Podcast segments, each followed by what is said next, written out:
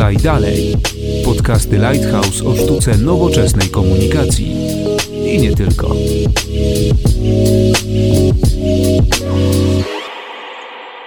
Dzień dobry, Konrad Domański. Zapraszam na trzynasty odcinek podcastu Podaj Dalej, w którym wraz z Arturem Hebą z Lighthouse zastanowimy się m.in. nad wartością obrazu we współczesnej komunikacji. Dzień dobry Państwu. Pomoże nam w tym nasz dzisiejszy gość, Andrzej Pongowski, artysta, grafik i właściciel firmy Kreacja Pro. Dokładnie tak i witam Państwa serdecznie. Czym teraz zajmuje się Andrzej Pongowski? Czy szykuje Pan jakieś specjalne akcje z pogranicza artyzmu, grafiki, marketingu, promocji, którymi można się już teraz podzielić ze słuchaczami. Moją uwagę na przykład kilka lat temu przykuło mocno to, co zrobił pan z Mitsubishi. No, to już było tak dawno, że to na tych, na, w grocie Lascaux rysują te obrazki z Mitsubishi. U mnie to sytuacja jest dynamiczna, tak naprawdę cały czas się zmienia, ale są pewne rzeczy cykliczne i taką rzeczą cykliczną, gorącą, nad którą właśnie pracuję i która za chwileczkę będzie miała swój skutek medialny, to jest dziewiąta edycja artystycznego kalendarza Gedeon Richter. Już dziewiąta edycja. Dziewięć lat temu mi się strasznie marzyło, zresztą, zresztą bardzo zawsze mi się marzyło, żeby, żeby stworzyć w Polsce polskiego Pirellego.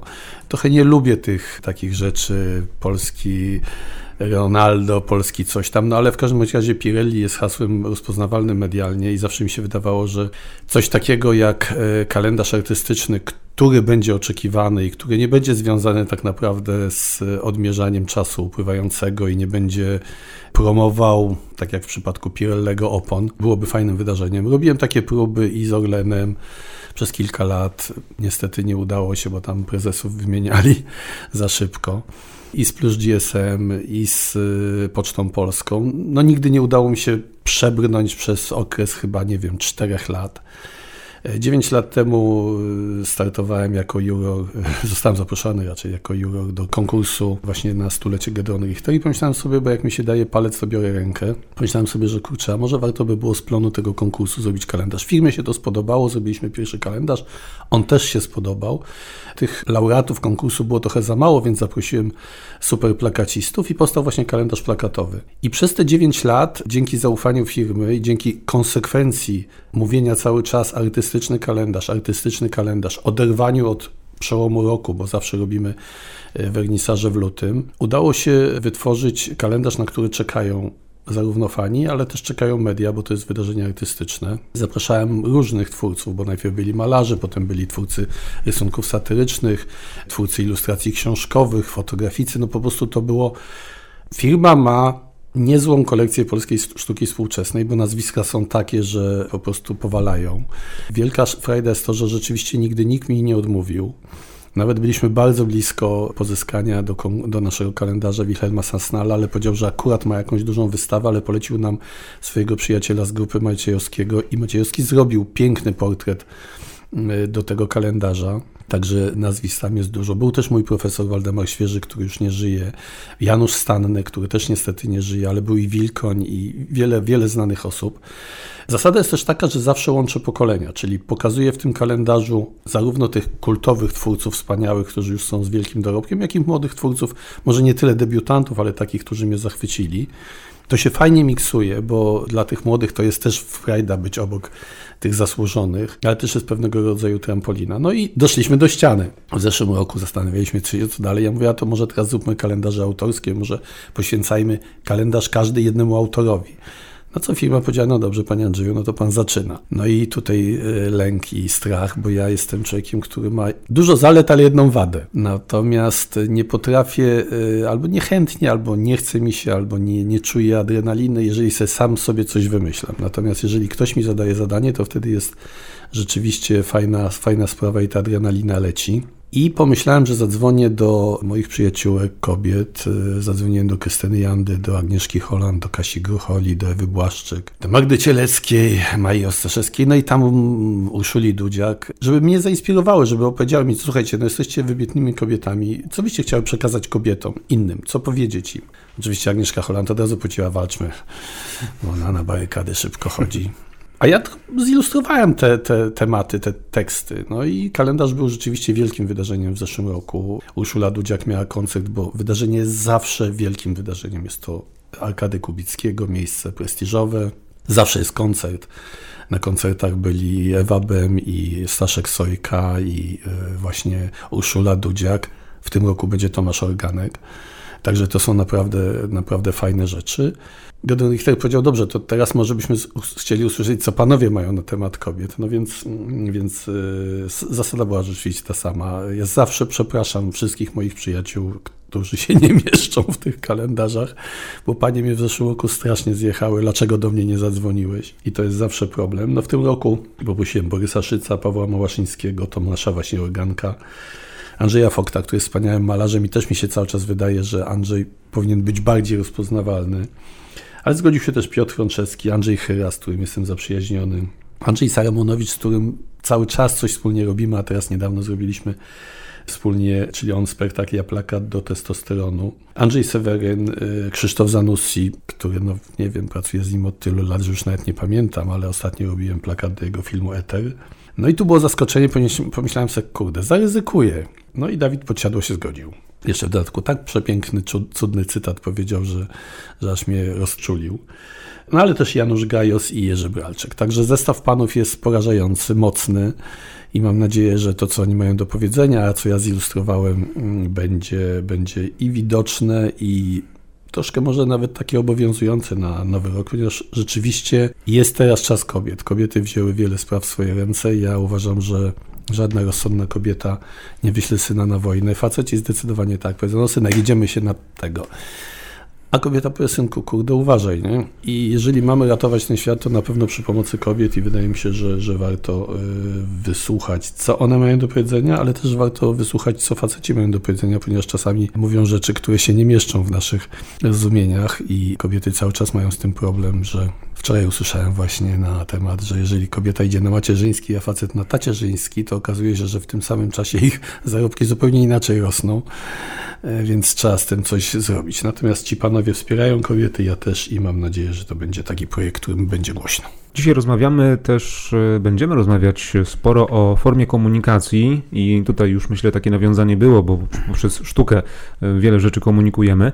Jaka waszym zdaniem w tej chwili forma tej komunikacji jest najskuteczniejsza? Mam na myśli to, czy faktycznie szybciej niż tekst e, przyswajamy wideo, obraz, grafikę, plakaty? No tak, okazuje się, przed chwilą mieliśmy wstęp do tego, jak można bardzo dużo mówić o sztuce komunikacji poprzez obraz, poprzez grafikę, poprzez sztukę wizualną.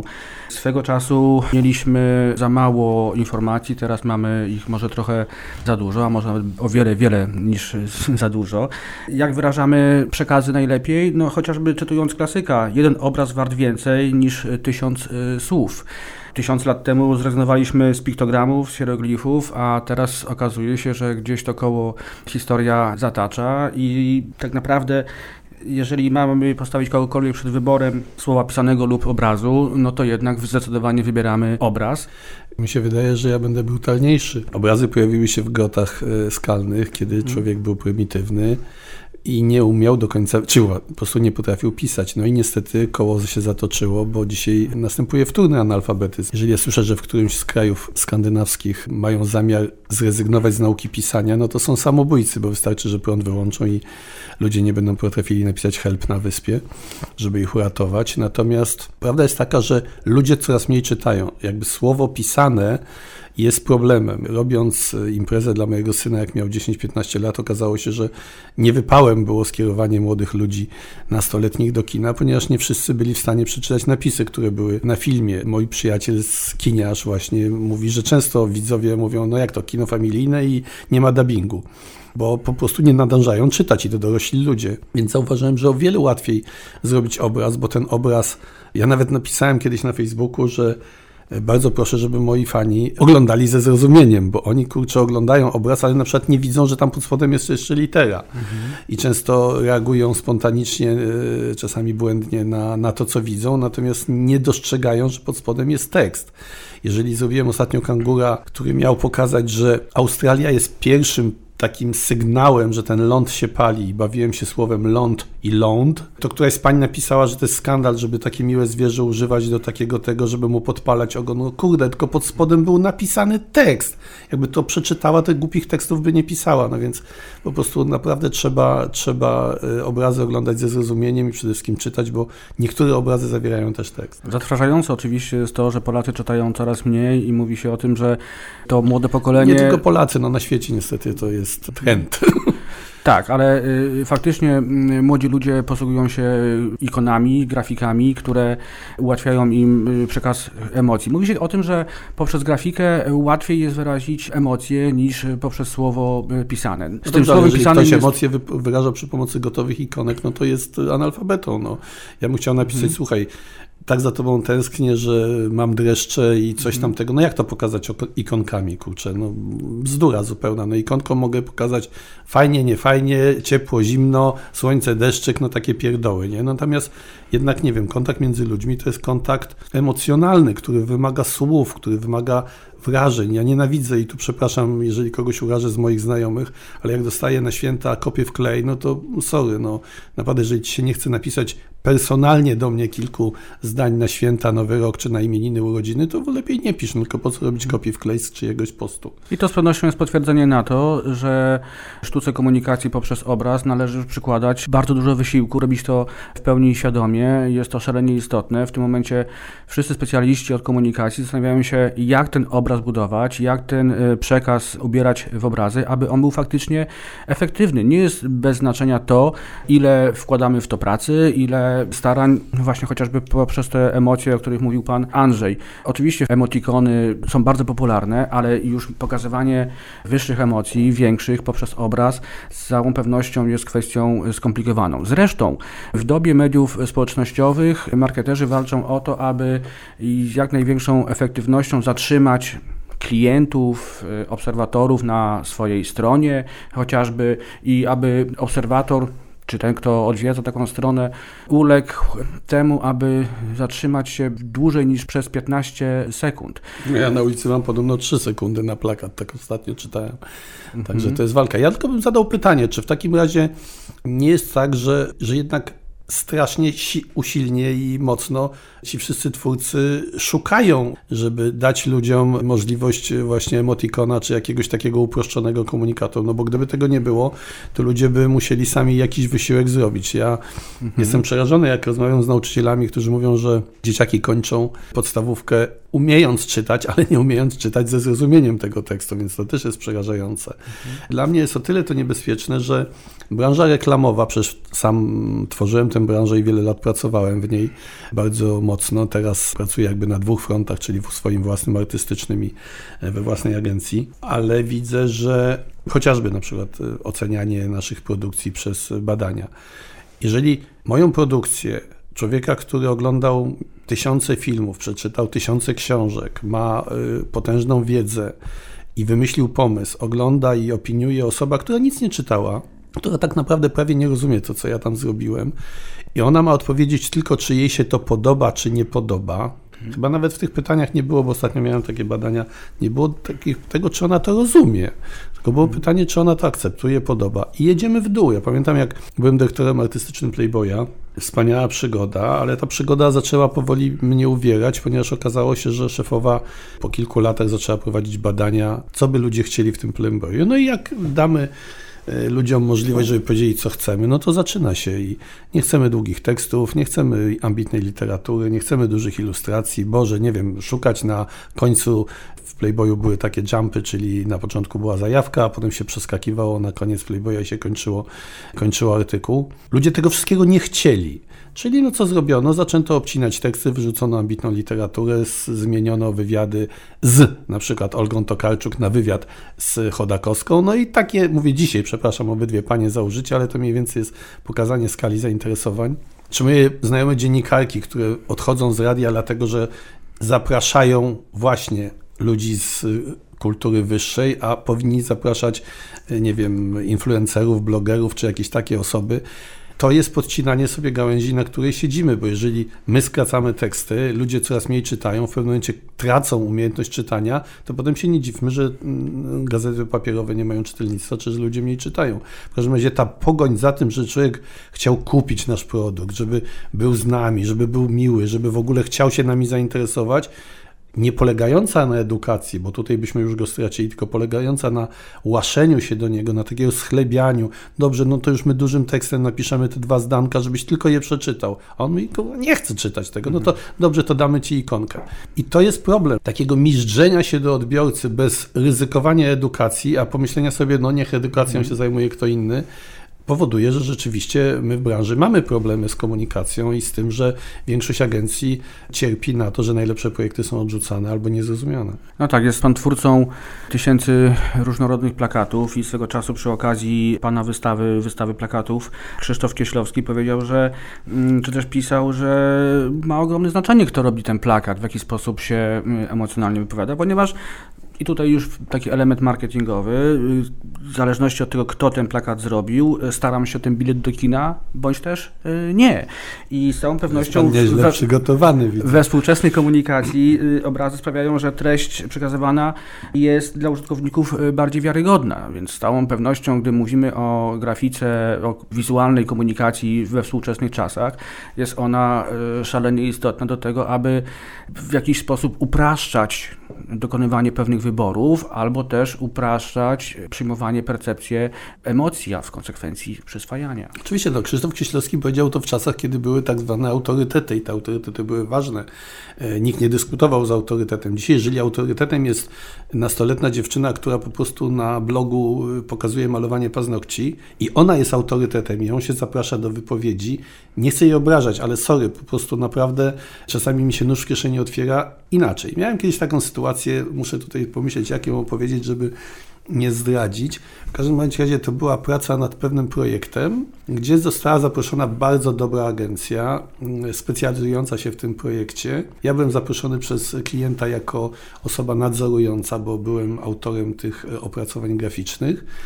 No i agencja zrobiła bardzo dobrą prezentację. Potem na lunchu rozmawiamy.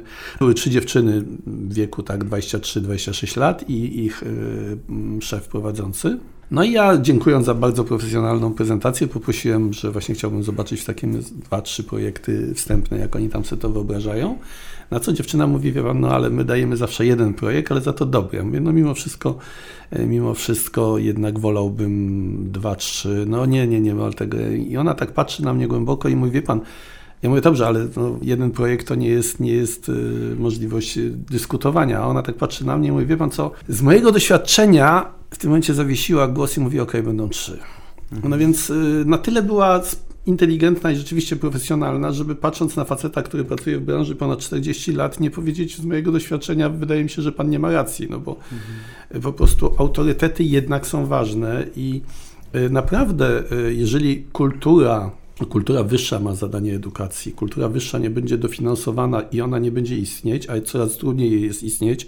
To rzeczywiście tak to będzie, bo my nie doceniamy tego, że obok całego marketingu, obok wszystkich działań reklamowych, obok tego wszystkiego, co, co jest w naszej branży ważne, jest tak zwana kultura wyższa, czyli kino, teatr, muzeum.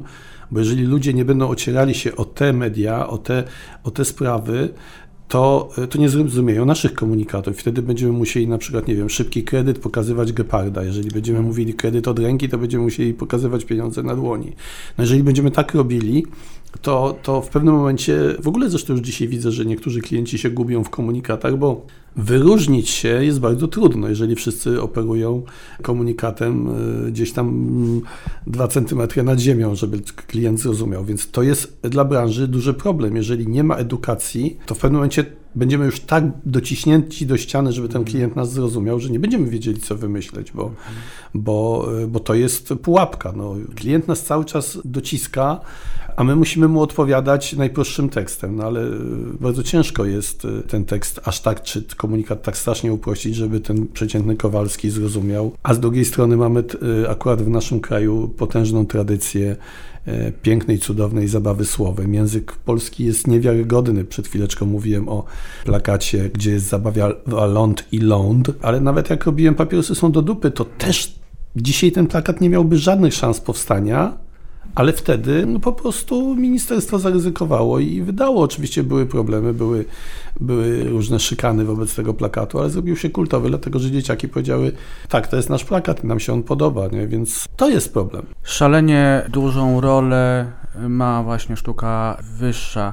Zresztą istnieje tyle plakatów, które są obecnie ikonami i powieszenie ich oryginałów na ścianach w domu jest niezwykle nobilitujące, jest e, piękne i sztuka plakatu, z której zresztą pan Andrzej się ze Szkoły Polskiej Plakatu wywodzi, ma w naszym kraju ogromne, ogromną historię oraz znaczenie. Ale, Ale z drugiej ma strony... tradycję bez wielu młodych ludzi, którzy świetnie Mhm. to robią i kontynuują. Ja na targach plakatu widzę, jakie kolejki ustawiają się do e, Dawida Ryskiego, czy do Pawła Jońcy, czy do Bartosza Kosowskiego, czy nawet do Ani Pongowskiej. Tutaj jest zbieżność Mhm. nazwisk, e, ale tylko talent nas łączy, rodzina nie.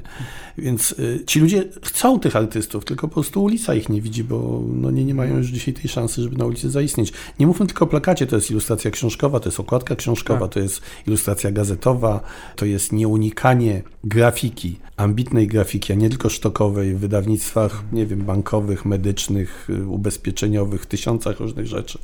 Także to są te problemy, że, że po prostu wydaje się cały czas, że e, Zresztą dzisiaj, mi się wydaje, że dzisiaj już ta tendencja zaczyna powolutku wychodzić, że klienci i, i agencje zrozumiały, że samym zdjęciem już nie damy rady się wyróżnić, bo te zdjęcia są tak podobne, one są mistrzowsko zrobione. Natomiast jeżeli grafik da te dwie swoje trzy kreski, to jednak jeżeli znajdziemy grafika, który jest inny niż inni, no to jesteśmy widoczni. Proszę zobaczyć, co zrobiło jesteśmy tu niedaleko nawet, co zrobił Wedel, który dał młodym twórcom możliwość zaprojektowania opakowań na ptasie mleczko kultowe. Także to się pojawia, to się zaczyna dobrze dziać, ale no to jeszcze wymaga czasu. Wspomniał Pan o tym, że nie mają już miejsca artyści na ulicy. Czy w świecie, tak bardzo rozwiniętym świecie cyfrowym, standardowe plakaty nadal mają sens? Mam na myśli takie plakaty, które pojawiają się w przestrzeni publicznej, nie te same wersje, które są w internecie. No moim zdaniem plakat zawsze będzie miał sens z tego względu, że on jest dedykowany komunikatowi halo, jestem, uważaj na mnie, pojawiłem się w kinie, w teatrze. Natomiast jeżeli on będzie skonstruowany na modłę popularności, czyli nie wiem, fotka, coś tam, no to on znika, no nie ma siły. Natomiast są też takie przypadki, że rzeczywiście klient się nie odważy, bo jak zrobiłem plakat do kleru, to podejrzewam, że gdyby był na ulicy, to by był już proces. Natomiast przez to, że on się przemknął przez internet, to jakoś tam nikt, nikogo to nie bulwersowało. Bo zawsze możemy powiedzieć, no nie musi pan oglądać, natomiast na ulicy jednak muszą oglądać, więc gdyby ta świnka się pojawiła z krzyżem na ulicy, to pewnie by było ciężko. I tu dochodzimy do następnej sytuacji. Zniknęła cenzura, zniknął budynek na Mysiej, a pojawiła się cenzura w głowach, pojawiła się cenzura u klientów.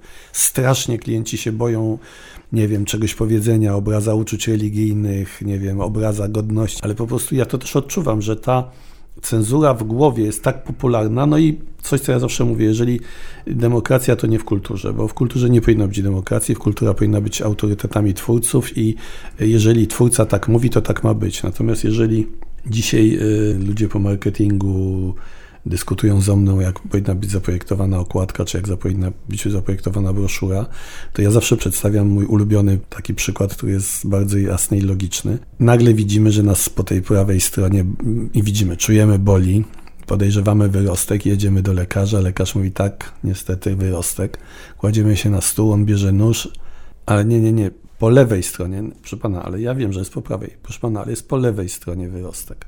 No i teraz, gdyby ten lekarz zaryzykował i zoperował nas po lewej stronie, tak jak my mówimy, to byśmy zmarli. Natomiast jeżeli ja mówię, że wyrostek jest po prawej, a klient mówi, że niestety nie, ale on uważa, że po lewej i każe mi zrobić, no to czasami właśnie są takie śmiertelne projekty. No, na szczęście ja się wtedy wycofuję. Ale są zapewne artyści, którzy pozostają przy Operują, przy tych, przy tak, tych bardzo dużo jest opiniach. widać przypadków operowania wyrostka po lewej stronie w grafice, także tego, tego jest dużo. Tak, i to z, to z pewnością jest e, wszystko niepokojące. Niepokojące jest też to, że w taki bardzo prosty sposób, y, bezrefleksyjny wybieramy obraz ponad słowo. Z tym słowem pan Andrzej już wspominał, jest w komunikacji całkiem spory problem. Zresztą bardzo wielu wydawców decyduje się obecnie w swoich serwisach internetowych na to, aby uprzedzić czytelnika, ile minut zajmie czytanie danego tekstu, aby on się nie zniechęcił i miał szansę w swojej świadomości do czytania tego materiału do końca. Jednak stawiamy na obrazy, no bo one są też w komunikacji bardzo pragmatyczne, w takiej komunikacji codziennej. Nie wszystko, co jest do powiedzenia, pokazania, zakomunikowania nadaje się tak już absolutnie prosto do opisania słowami. Dajmy na to grafiki, chociażby znaki drogowe. Nie moglibyśmy sobie pozwolić na to, aby znak drogowy zastąpić słowami, które opisują daną sytuację, co możemy, co powinniśmy na drodze zrobić, bo tak naprawdę byśmy z tego parkingu nie wyjechali. Ludzie się jednak tego nauczyli, prawda? I nikt nie patrzy na znak drogowy i nie myśli, aha, moment, co? po prostu to są mhm. odruchy. Więc jeżeli udałoby nam się w marketingu stworzyć takie narzędzia, które po prostu powodowałyby odruchy, ale takie odruchy są. Takimi odruchami jest kolor. Mhm bo wiadomo, że pewien kolor niesie za sobą emocje i odpowiednie używanie kolorów, a często się zdarza w kolorze też operowanie po lewej stronie wyrostka, bo używane są kolory bez sensu i one w żaden sposób nie idą za, za słowem i za obrazem, ale też pewnego rodzaju budowa typografii, o której moglibyśmy tutaj dwa następne dwie godziny przedyskutować, ponieważ nie znają się graficy na typografii. Używają nie takich fontów, nie takich czcionek. Mój przyjaciel Maciek Kaukus, który jest dla mnie guru, wiele lat dyrektor artystyczny w Agorze, guru właśnie typografii, tłumaczy, że do czytania stworzono chyba dwa czy trzy kroje i nie należy kombinować. No, nie należy kombinować. Trzeba po prostu potem nagle pytają mnie, panie ale nie, może pan by pomógł, dlaczego to nasze wydawnictwo się tak źle czyta? Ja patrzę, mówię, kurde, no ktoś tam użył czcionki, która jest po prostu, nie daj Boże, do czytania. Mówię, czy moglibyście państwo zmienić na taką i taką? I nagle się okazuje, że to się świetnie czyta. Także to mhm. są te problemy, że wiedza, wiedza i jeszcze raz wiedza. Ale to też jest istotne w kontekście logotypu jako identyfikacji o, marki. To jest cała jeszcze, cała jeszcze, oczywiście tutaj natychmiast złośliwi przypomną mój logotyp dla Pomorskiego, który mocno został zhejtowany, ale to też jest fajna sytuacja, że jak się ogląda tego typu sytuacje, zresztą przy logotypach to Polska ubóstwia, na przykład ile to kosztowało, jakie to są, ile to pieniędzy, za, przecież ja też bym z kuzynem machnął takie coś w sekundę.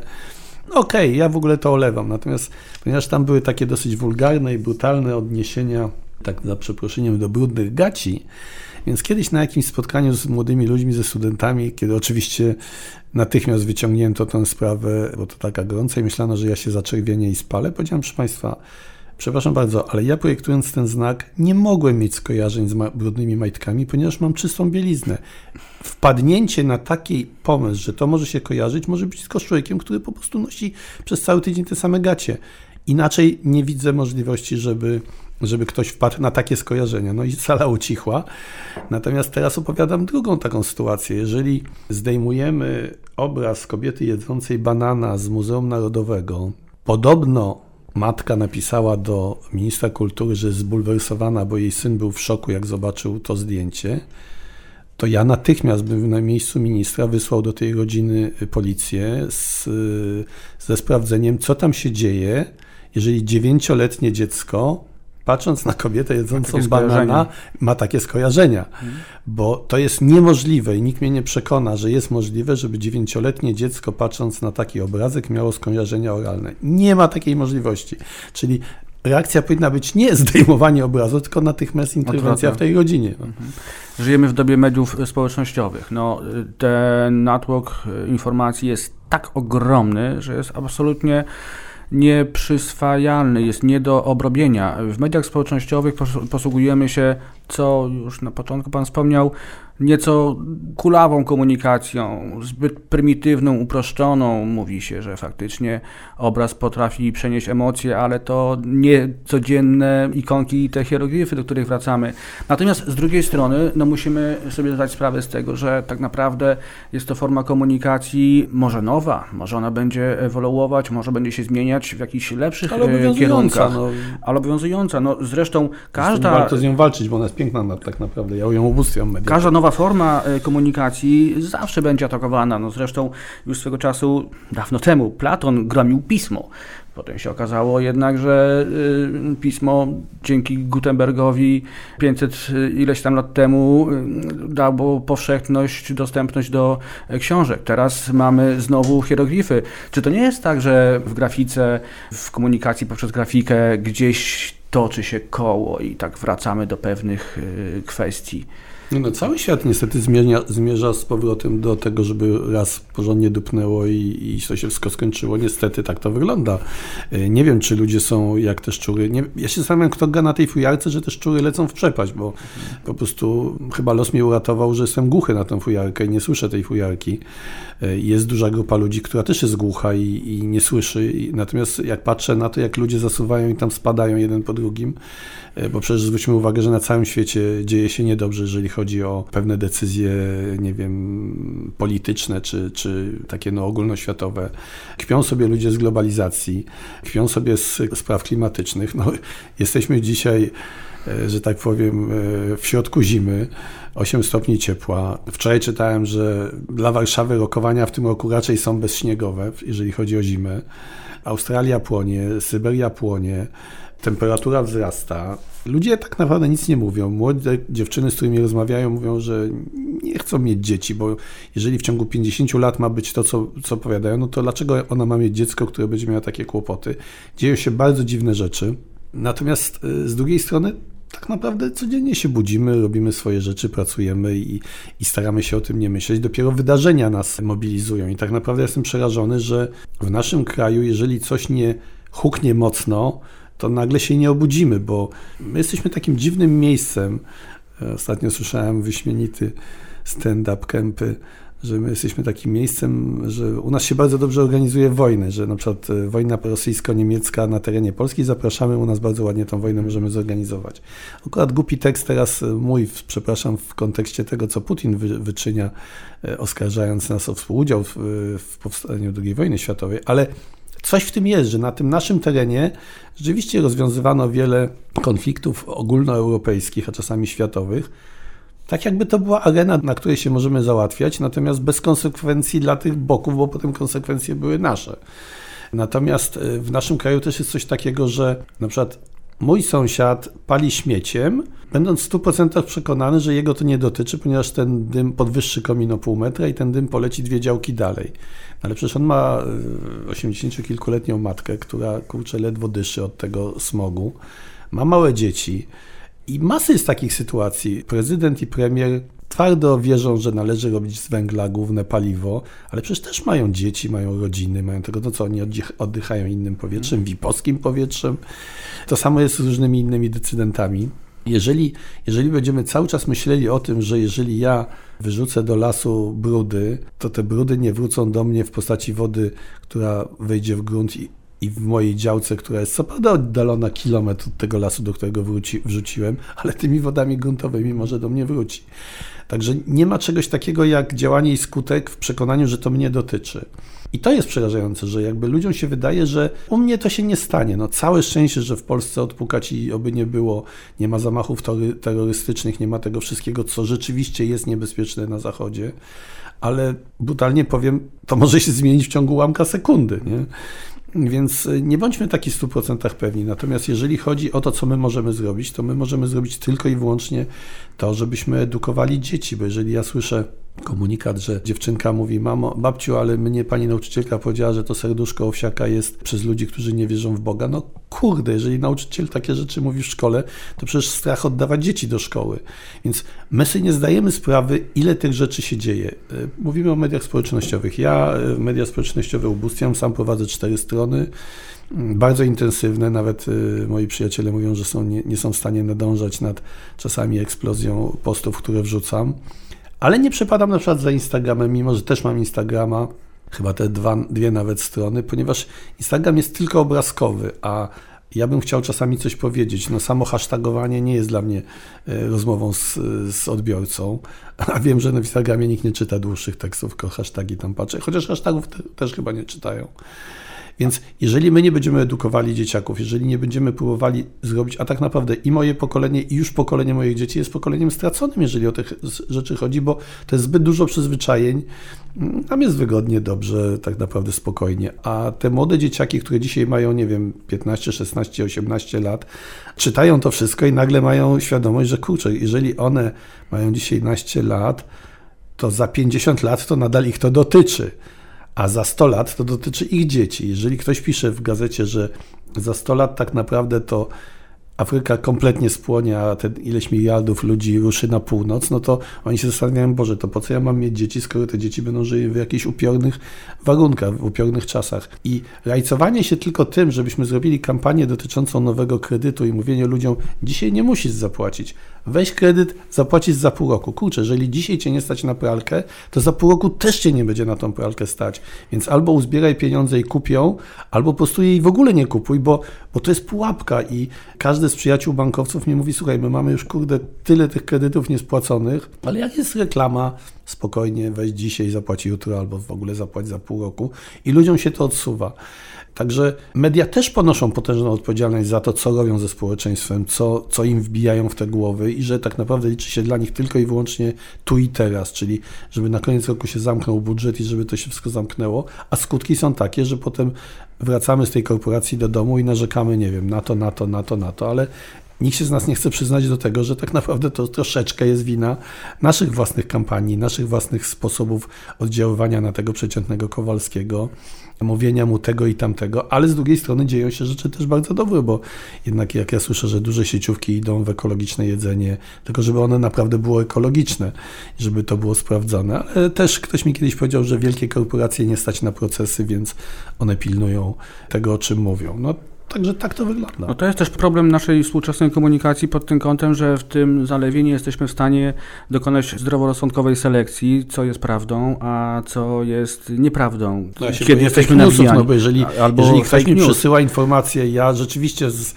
emocji serca natychmiast ją udostępniam i nagle ktoś mi mówi, Andrzej, puknij ty się w głowę, co ty mhm. udostępniasz? Mm -hmm. Więc ja już teraz pięć razy y, przeglądam y, newsa, którego dostaję, którego mogę udostępnić. Mhm. Okazuje się czasami, że to jest fake news, który chodzi od pięciu lat. Ostatnio była taka sytuacja dotycząca schroniska, że wyprzedają, nie wiem, że mają uśpić 600 psów, nie? Mhm. E, ponieważ mam dwa i jestem w nich zakochany od niedawna, więc od razu zareagowałem, ale po prostu okazało się, że to był fake news i się skompromitowałem. Także mm. to też trzeba uważać. Ale wracając do mediów społecznościowych. Jak ja zaczynałem, a cały czas jednak jesteście na tyle mili, że przypominacie, że w plakacie pracowałem i pracuję, to tych plakatów było tysiące. No ja miałem nakłady po 8-10 tysięcy każdego plakatu. Dzisiaj nakłady plakatu są albo 5 sztuk, 10, 20, może 100, czasami tylko wersje elektroniczne.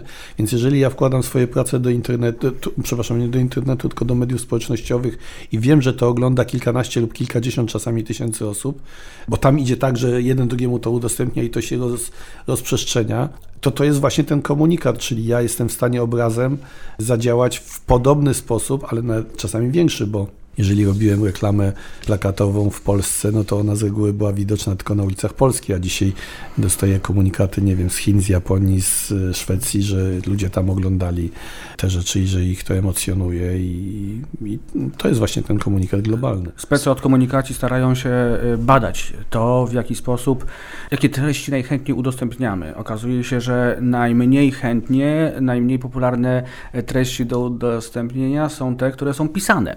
Po Potem są y, te treści, które są y, linkami do filmów, a okazuje się tak naprawdę w tych badaniach, że najchętniej udostępniamy no jednak zdjęcia. I to śmiem przypuszczać, że y, pokazuje jednak siłę grafiki, siłę e, obrazu. Nas natura uposażyła to już 300 milionów lat temu, aby percepować obrazy w kolorze.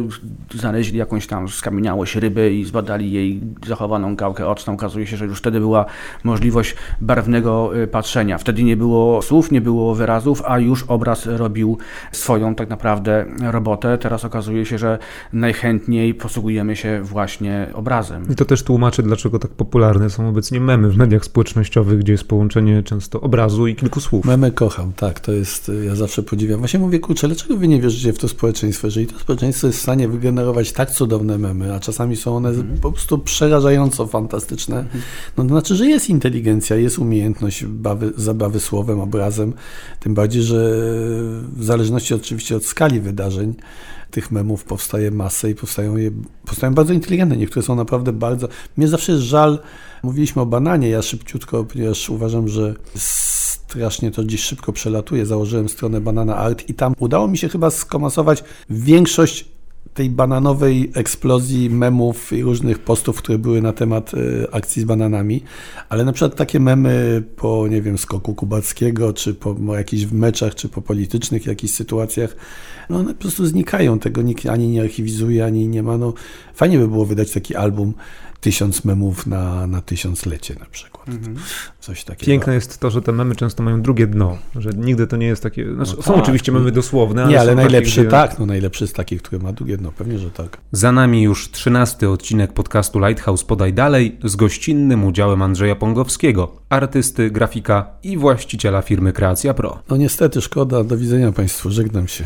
Był z nami oczywiście również Artur Heba z Lighthouse. A ja dziękuję i mówię zarówno i do usłyszenia, i do zobaczenia. Konrad Domański, dziękujemy za wysłuchanie kolejnego odcinka podcastu Podaj Dalej i do usłyszenia w kolejnych.